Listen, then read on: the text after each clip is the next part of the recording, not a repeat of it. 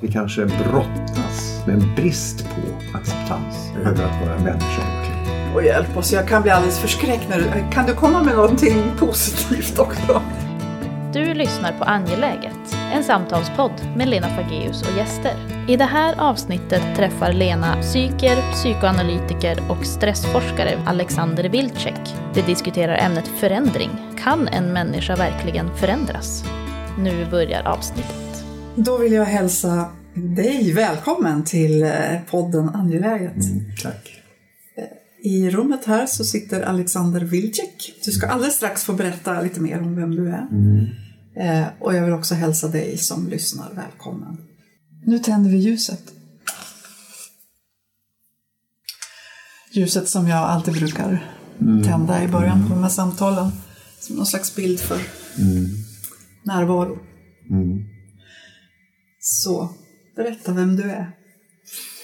Ja, jag är... Ehm, jag tror jag håller mig till mer den professionella sidan. Ehm, jag är psykiater, psykoanalytiker och stressforskare. Det är den korta presentationen. Numera är jag snart 73 år gammal så jag jobbar eh, kvar en del men mera utifrån lust och inte på heltid längre. Med en handfull patienter som jag har i psykoterapi och några projekt som jag är engagerad i som gäller framförallt utmattningssyndrom. Och de, de projekten finns på Karolinska institutet. Sen är jag intresserad av eh, filosofiska frågor och är också styrelsemedlem i något som heter Svenska föreningen för filosofi och psykiatri. Så där håller vi på med en del seminarieverksamhet och sånt som, som jag gör för skojs skull. Och du och jag, vi träffades när jag gick psykoterapiutbildningen Mm, på det. Karolinska institutet. Det var många år sedan. Det är många år sedan nu. Det är jätteroligt att du ville komma med och prata med mig idag. Jag har ju fastnat i den där, den där frågeställningen om förändring. Tycker att det är så otroligt spännande med förändringsprocesser. Eh, Ja, men förstås de stora vida, alltså vad är det som händer i världen och i samhället här. Och, eh, men också ända ner till den enskilda individen. Och jag kommer ihåg när jag gick på utbildningen där på Karolinska och jag frågade en av lärarna Tänker du att det går egentligen att förändras som person? Och hon sa Ja, mycket marginellt.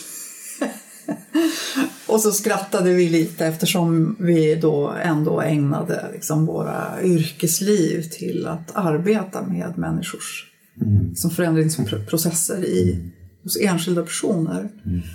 Men vi börjar där, vad tänker du? Går det att förändras? Eh, Det, det korta svaret är ja, eftersom det är nödvändigt att förändras. Eh, Min kollega, jag vet inte vem du syftar på där och det är väl kanske lika bra, eh, tror jag hade det liksom psykodynamiska, psykoterapeutiska perspektivet och då kan man väl säga så här att när det gäller våra personlighetsdrag så är de, de är påfallande konstanta genom livet. Eh, och de, de kan också förändras men där sker det ofta under motstånd. Och, eh, man, man är väldigt mån om att få behålla dem även om de inte längre fyller någon vettig funktion eller kanske till och med blir ett hinder för en. Så ur den aspekten så ligger det någonting i vad hon säger. Men när det gäller eh, den mera övergripande eh, liksom, frågan så skulle jag vilja säga så är det obetingat så att vi måste förändras. Jag menar när vi går från att vara spädbarn till att bli förskolebarn så händer det ju dramatiska saker med oss. Jag menar, kroppsligt, eh, vi utvecklar vår mentala kapacitet det vore ju oerhört konstigt om vi inte förändrades. Mm. om vi övertar gradvis mer och mer ansvaret för att sköta till exempel frågan om jag är hungrig eller inte. och, och sådana saker. Va? När jag sen vidare kommer in i puberteten så börjar, kommer ju nästa dramatiska omvälvning i mig. Då min kropp förändras på ett dramatiskt, revolutionärt sätt som är helt utanför min kontroll. kontroll. Ja. Jag måste bara liksom handskas med det faktum att det händer saker med min kropp som är i stor förändring. Mm. Och att jag i det sammanhanget också måste förändras mentalt. Det är ganska givet. Om jag inte gör det mm. så blir det problem för oss psykoanalytiker och psykoterapeuter att arbeta med senare för de här människorna. Mm. På samma sätt brukar jag tänka också på på eh, föräldrar. Att vara förälder till ett litet barn är ju någonting annat än att vara förälder till en tonåring. Mm. Och sen vara förälder till en, liksom, en vuxen. Vux, ung vuxen ja. som är på väg att lämna hemmet. Mm. Förutsätter ju att jag som förälder också är beredd att anpassa mig. Det vill säga genomgå en förändring som både gäller mitt, mitt sätt att förhålla mig mm. rent konkret jag kan ju inte fortsätta att behandla en, en, en ung vuxen människa som om vederbörande var en, en... Femåring? Ja, det går ju inte. Det blir ju blir inget bra för någon. Och, och det, den, den förändringen eh, alltså den förändringen av mitt barn förutsätter att jag som förälder också är beredd att ge mig, ge mig in på en resa mm. och förändras. Och om jag som förälder inte klarar av det så händer det inte sällan att mitt barn får bekymmer med sig själv så småningom. Mm. Så att därför tänker jag att uh, förändring är nödvändig. Och sen rent filosofiskt så kan man väl kanske också fundera över om det inte är så att allt egentligen är statt i förändring. Mm. Uh, så att liksom, på det sättet är ju ingenting statiskt. Vi, vi kan inte... Nej, vi förändras helt enkelt. Ja, och vi, både med oss själva och med vår omgivning. Men, eh, men tänker du att eh, ja, men du beskriver ju den där fysiska förändringen som ju är ofrånkomlig. Jag menar, mm. Det är som det är, vi åldras nu. Mm. Mm. Och, och det händer saker med kropparna mm. som också gör att det händer någonting. Men med våra sinnen och eh, men är det så att man kan styra förändring? Eller är det någonting som, för det du beskriver nu mm. mest mm. är ju det som är på något sätt ofrånkomligt och biologiskt. Men kan man styra huruvida man förändras eller på vilket sätt man ändras? Eh, jag vet inte om jag tycker om ordet styra, men man kan, man kan vilja mm. förändring.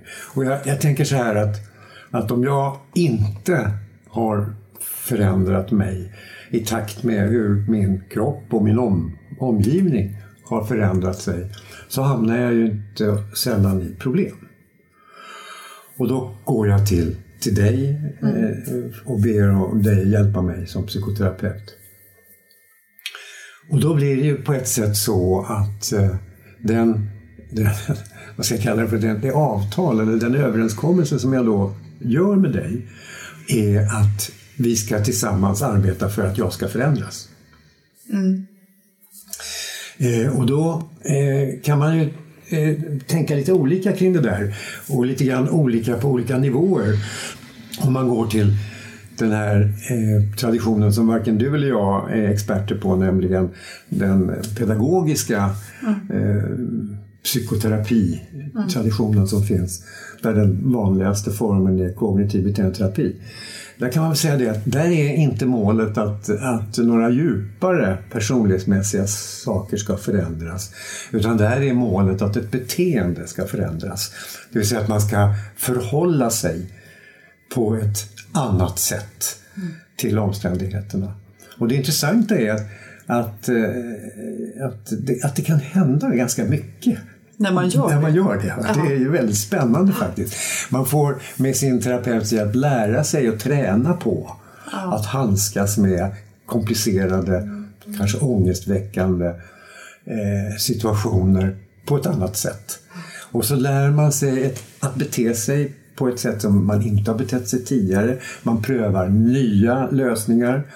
Man prövar nya sätt att förhålla sig. Och det som är så spännande är att, att det funkar för många. Mm. Att man faktiskt blir gladare, mm. blir mer kreativ, kommer loss i livet på ett bättre sätt, mm. eh, sover bättre på nätterna. Alltså, så att det, blir, det, det, finns en sån sak, så att man kan säga så att, att beteendet där liksom också skapar förutsättningar för att för att eh, saker som man inte direkt jobbar med också förändras i. Mm.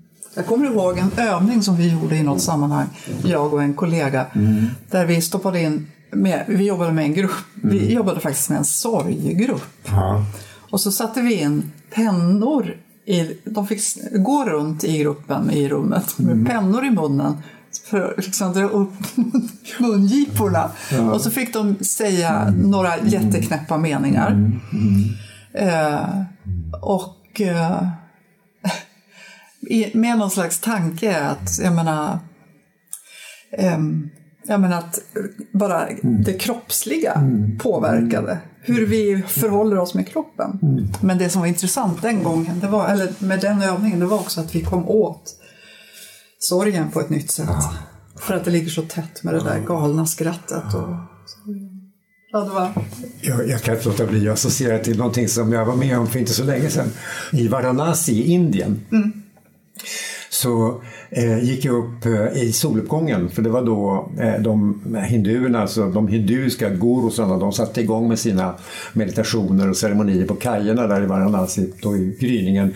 Och vid en morgon så var det en fantastiskt intressant situation som jag liksom nästan nöp mig i armen för jag trodde inte det var sant. Jag kommer ner och då står hundratals människor på knä på kajen med, mm, med vidöppna munnar och, och med tungan ute och gallskriker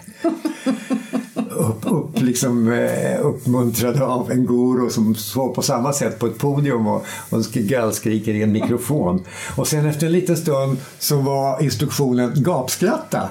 Så då satte de sig ner i, i lotusställning eller på, så i kors med korslagda ben på kajen och bara gapskrattade i flera minuter. Och, och då, jag minns just också hur jag själv inte kunde låta bli att ryckas med. Även om jag bara var en åskådare så stod jag där själv och skrattade gott mer om till slut. Alltså, apropå den här. Ja, men att det händer saker bara med kropparna ja, och hur vi, hur, hur vi förhåller oss med mm. kroppen. Ja, intressant. Ja.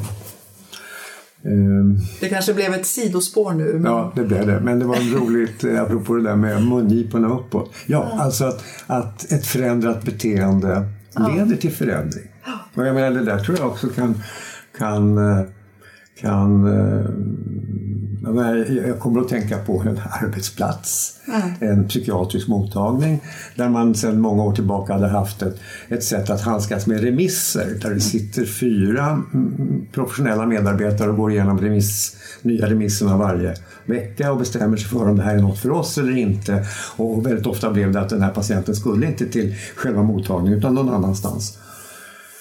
Och så kom det en ny impuls från ledningen till den, på den här mottagningen om att vi skippar det där det där eh, sorterandet. sorterandet. Bara lägger ner den där remisskonferensen och istället låter sekreterarna kalla patienterna till ett nybesök. Så får vi se om de hör hit eller inte när vi har träffat dem. Ja. Eh, och det där ledde, den, den liksom, eh, eh vad ska man säga, administrativa förändringen ledde till en helt ny stämning på mm på mottagningen. Många som jobbade där sa äntligen, äntligen får vi börja träffa patienter och ta ställning till om de ska vara här eller inte mm. eh, själva och inte mm. behöva gå via remissteamet. Och andra blev eh, missnöjda, några slutade. Så mm. det var, det var, men det, det, det var verkligen förändring. Det, hände verkligen med en, en, liten en liten åtgärd. Eller en, liten var ja, det ja, nej, nej, men i alla fall en, en, vad ska man kalla det för, en, en praktisk administrativ beteendeförändring. ja, eller hur? Så, så. Mm. Men sen har vi då den här traditionen som, som mera är din och min, den psykodynamiska, psykoanalytiska traditionen. Eh, och där, där är det, kan man säga så här, där, där finns det en oerhört vacker teori. Eh, och, jag är inte alltid så säker på att den egentligen har så mycket med verkligheten att göra, men den är vacker. Säger aldrig läraren och handledaren. ja, jo, men eh, det är, det är eh, många års erfarenhet numera som, som gör att jag ifrågasätter det där lite grann. Och, alltså den vackra teorin där är ju den att att vi har våra egenheter, våra personlighetsdrag och våra symptom och, och våra svårigheter och problem eh, för en anledning. Mm. Alltså de fyller någon form av funktion för oss. Eh, att vi, vi, eh, våra personlighetsdrag kan till exempel vara sånt som att vi har automatiserat reaktioner redan tidigt i livet för att slippa hålla på och stöka med ångest och svårigheter varje gång en situation kommer upp. Om jag till exempel som, som barn eh, liksom aldrig fick hjälp att ta mig ur det här med att eh, eh, njuta av att kontrollera eh, njuta av att säga nej, njuta av att eh, liksom hålla med, med en svartvit värld. Och att jag får får med mig det upp i vuxen ålder och så blir jag kanske i, i, ja, man kanske blir en sån där eh, renlighetsivrare, pedant. Mm. Någon som inte tycker om att komma i närheten av bakterier. Mm. och I värsta fall hela vägen bort till att jag blir eh, tvångsneurotisk och mm. utvecklar olika typer av tvångssymptom.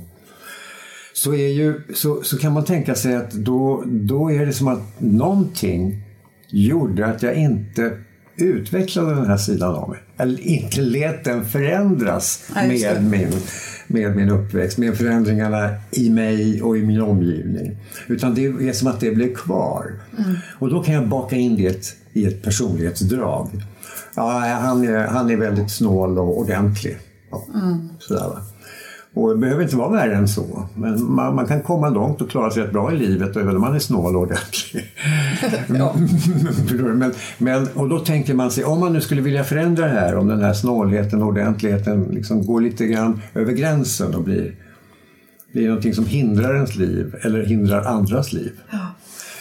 Eh, då måste man ju bara fundera på, eh, alltså då kan man då, en KBT skulle säga, du får göra så här så här, pröva de här lösningarna istället och försöka lära dig att det får vara lite smutsigt och vidare. Ja. Stå ut med ett ord. Träna sig. Ja, liksom. precis. Ja. Medan då en psykodynamiker skulle börja fundera mer på, vad var det som hände då? Ja, i ditt liv som gjorde sig. att du inte liksom fick med dig de här grejerna in i din övriga mognad och utveckling.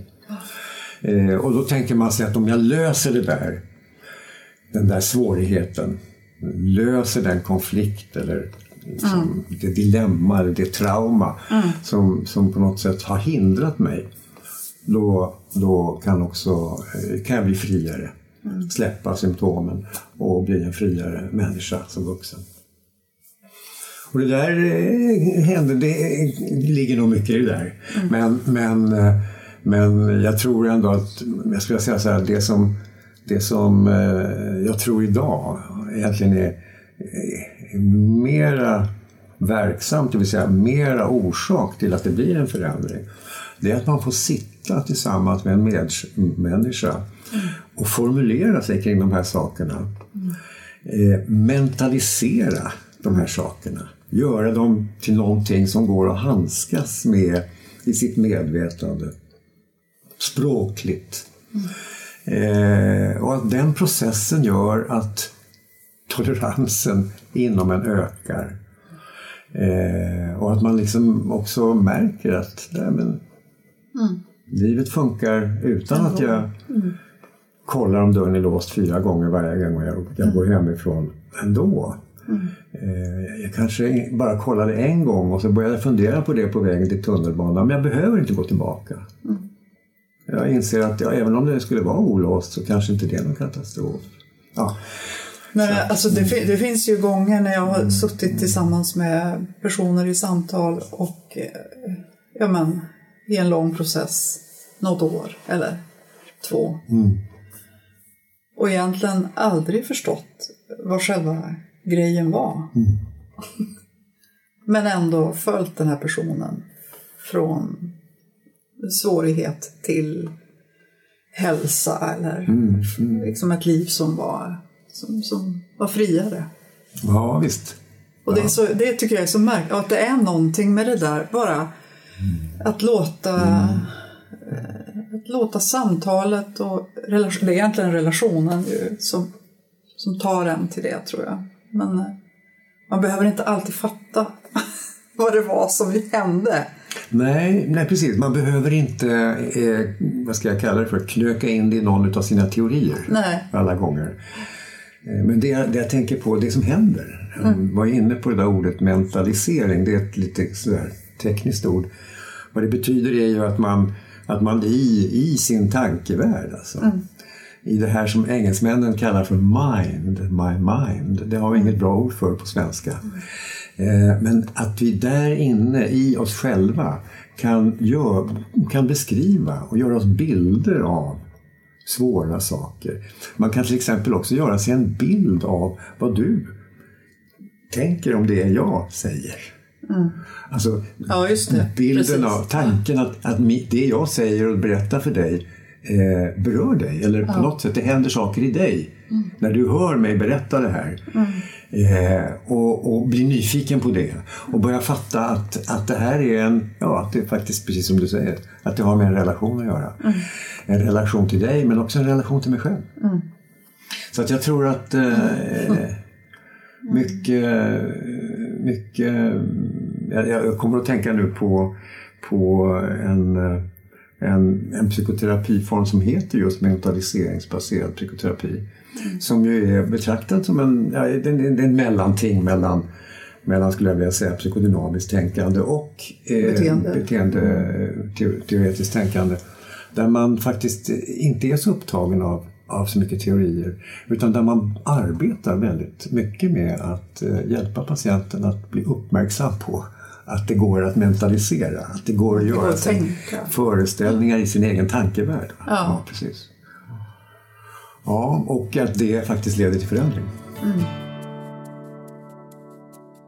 Jag har ju varit lite inne på i hypnosvärlden. Och där, där, eh, em, där målar man ju bilder av hur man vill att det ska bli. Mm, just det. Väldigt mycket mera än vad, vi, vad jag lärde mig i det psykodynamiska tänkandet. Då var det mer att gå tillbaka. Men i hypnosvärlden så är det mer av den där visualisera, säga orden omkring hur jag vill känna eller hur jag vill att det ska vara i mitt liv och så. Och att det är ganska kraftfullt det. Vad tänker du om sånt? Oh ja, alltså, jag tänker så här, hypnos är ju en suggestionsterapi. Man, man hjälper sin patient att, eh, att suggerera. Det vill säga, precis som du säger, göra sig föreställningar om, om eh, en betydligt ljusare framtid än den jag hade när jag inte var i trans. Och, eh, eh, och, sen, och jag, tror att, jag tror att suggestionerna är kolossalt viktiga. Eh, och det, jag tänker mig också att det, det är kopplat till något som ju egentligen ännu mer ligger i din, din, eh, eh, dig nära som präst, nämligen hoppet. Va? Eh, att eh, att en, en, en positiv suggestion kan ju vara någonting som skapar ett hopp. Som man kanske, om man är deprimerad, man inte har känt på länge. Man, har, man lever i en hopplös situation och då kan man med, med suggestionens hjälp faktiskt se en strimma ljus någonstans som jag tror också ger en hopp. Eh, och det kan leda till en det är egentligen en förändring på, på ett annat plan, tänker jag också. Där, där den, den förändringen kanske mer handlar om till exempel att man, att man inte längre är lika djupt nedstämd, om det nu är depression det handlar om. Eh, och det är ju också en förändring. Ja. Även om jag som människa kanske inte har gjort, genomgått några dramatiska förändringar så har mitt tillstånd förbättrats. Men nu, eh, nu vet jag inte om jag riktigt kan formulera den här frågan. Men det är ju, alltså, det känns när vi pratar så här så pratar vi ju ganska mycket om hur ja, man förändrar mentala tillstånd eller känslor eller begränsningar eller eh, ja, men depression eller ja, men tvångssyndrom eller vad det nu kan vara. Men eh, jag, vågar, jag vet inte riktigt ens hur jag ska formulera.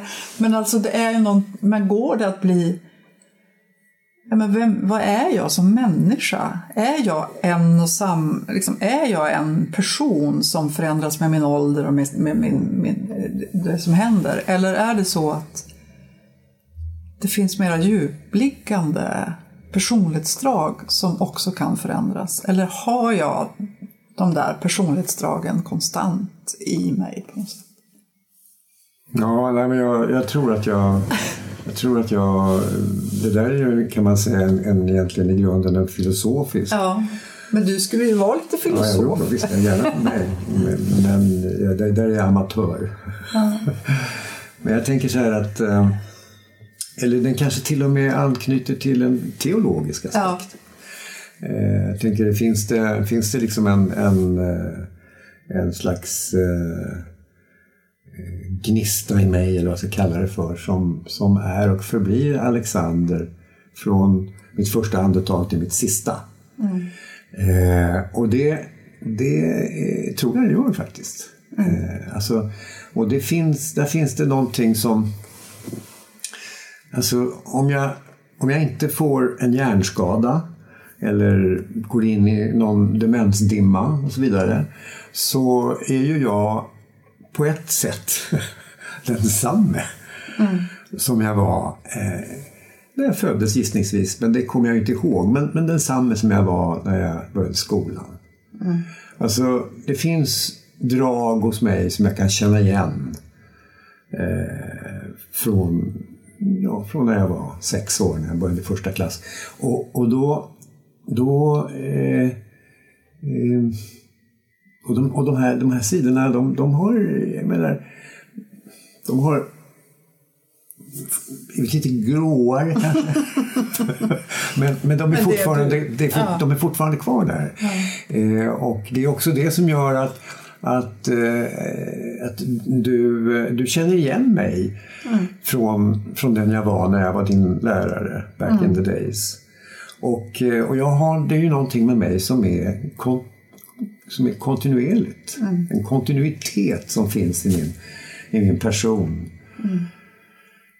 Eller om det nu är någon annanstans än i personen det ligger, det kan man ju fundera över. Men, men, men det är lättast att använda begreppet person för det anknyter till personlighet. Mm. Jag har ju drag i min personlighet som inte har förändrats över tid. Mm. De har kanske mildrats lite, grånat en aning. Mm. Eh, är inte lika pockande kanske, men mm. de finns där. Och de kan nog bli, de kan nog vakna till liv mm. om de utsätts för en provokation.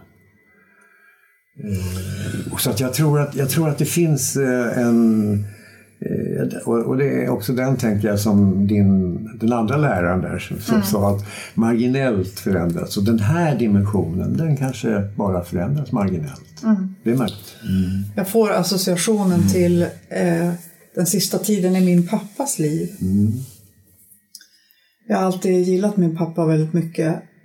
Och eh, han, hade, han var full med humor och eh, ja, men, ja, men på många sätt en förebild. Mm. Mm. Men det fanns ju också andra sidor.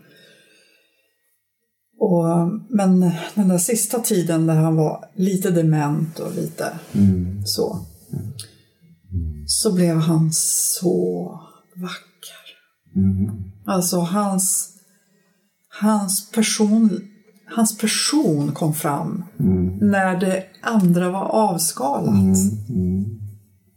Det var inte så mycket puts och det var inte så mycket ordning men hans, liksom, den där mm. själen på något sätt, mm. den var synligare än vad den någonsin hade varit under hans liv. Mm. Jag tyckte det var fint att få se. Men du hade anat den? Jag hade anat mm, den, men inte så tydligt. Nej, nej, jag förstår. Mm.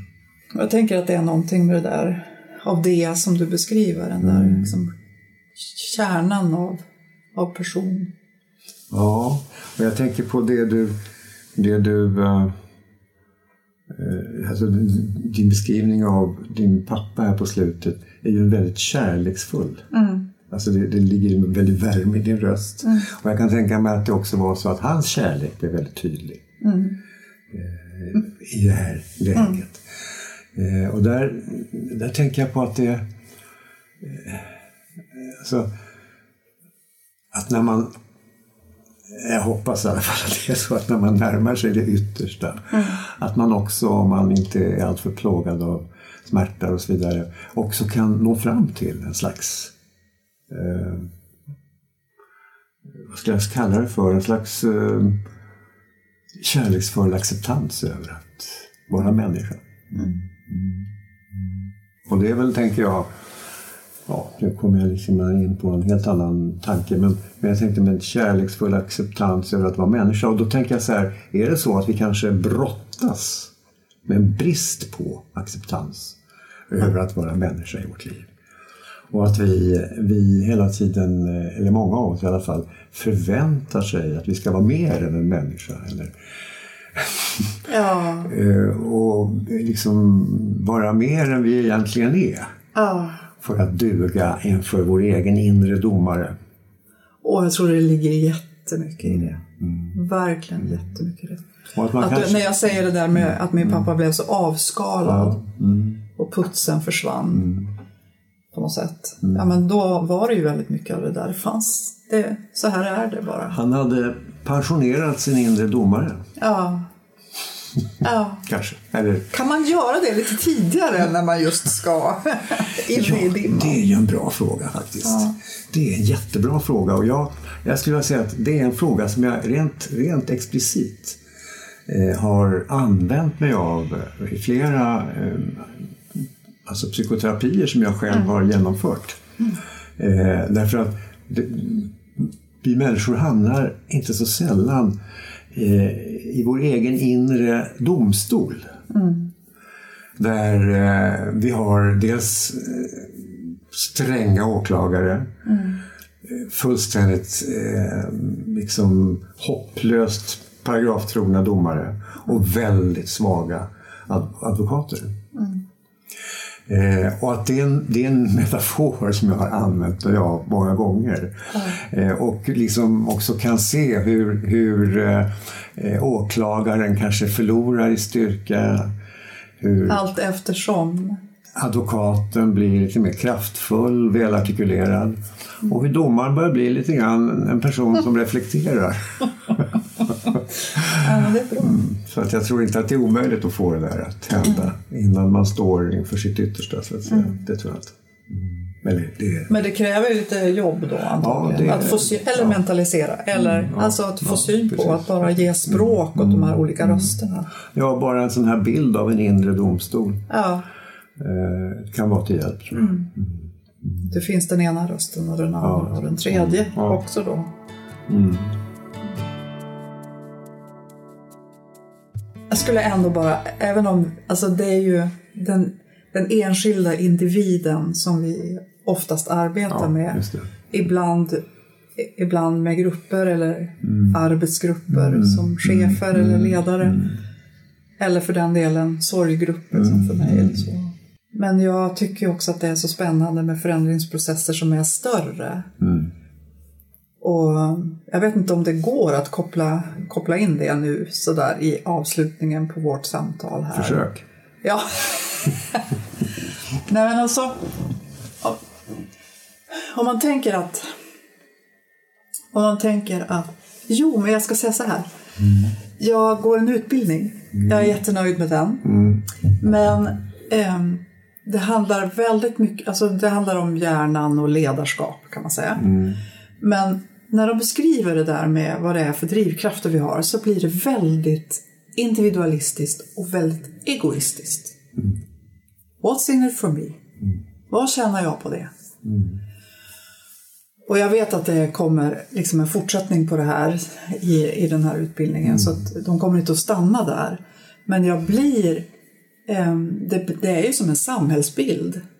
Att, att det hela tiden handlar om individens vinst.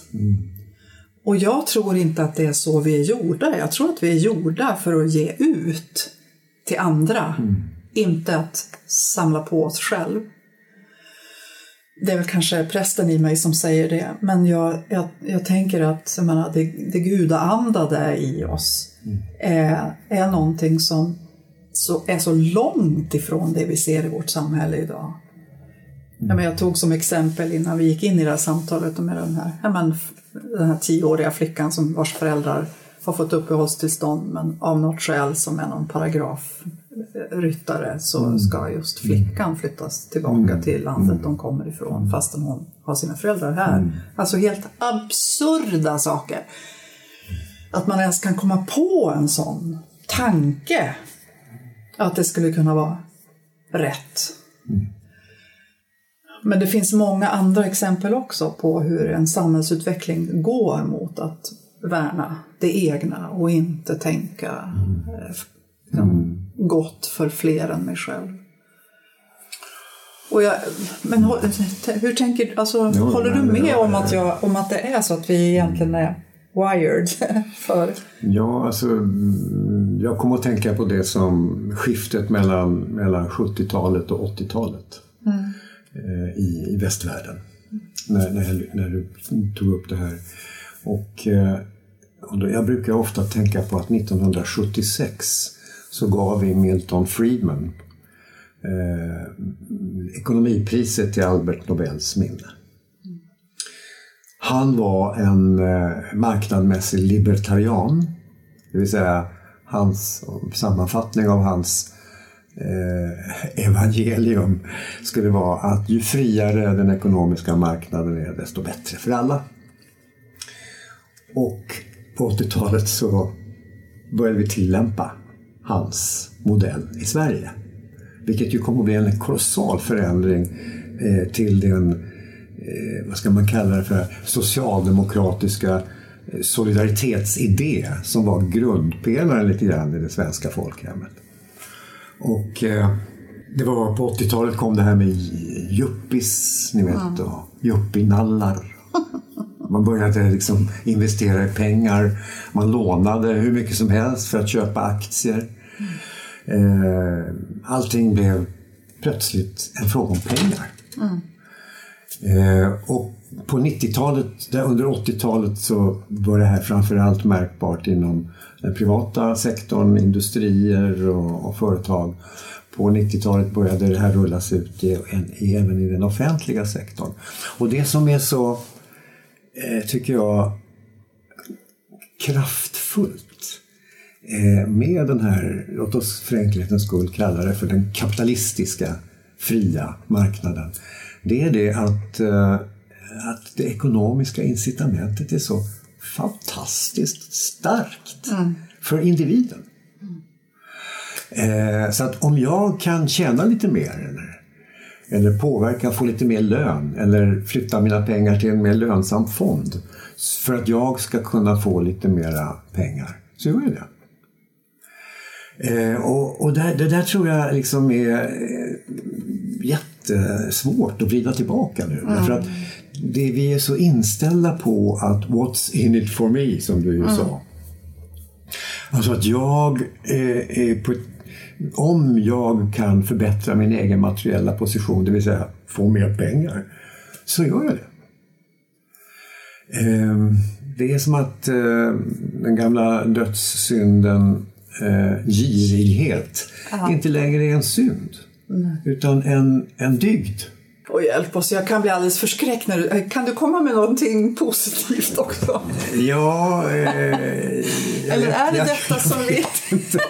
Och sen tänker jag också så här att det finns en annan, en annan sak som ju på ett sätt, alltså man kan säga så här att den här, det här är en, en vad ska man säga, en socioekonomisk, tänker jag, åtminstone tänkbar tråd in i förståelsen av att vi är så otroligt upptagna oss, av oss själva som individer. Ja. Och inte alls längre som, som kollektiv eller som delar av ett samhälle.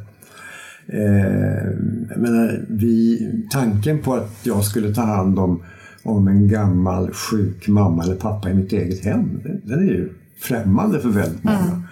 Väldigt många blir rasande över att de inte omedelbart får hjälp med sånt.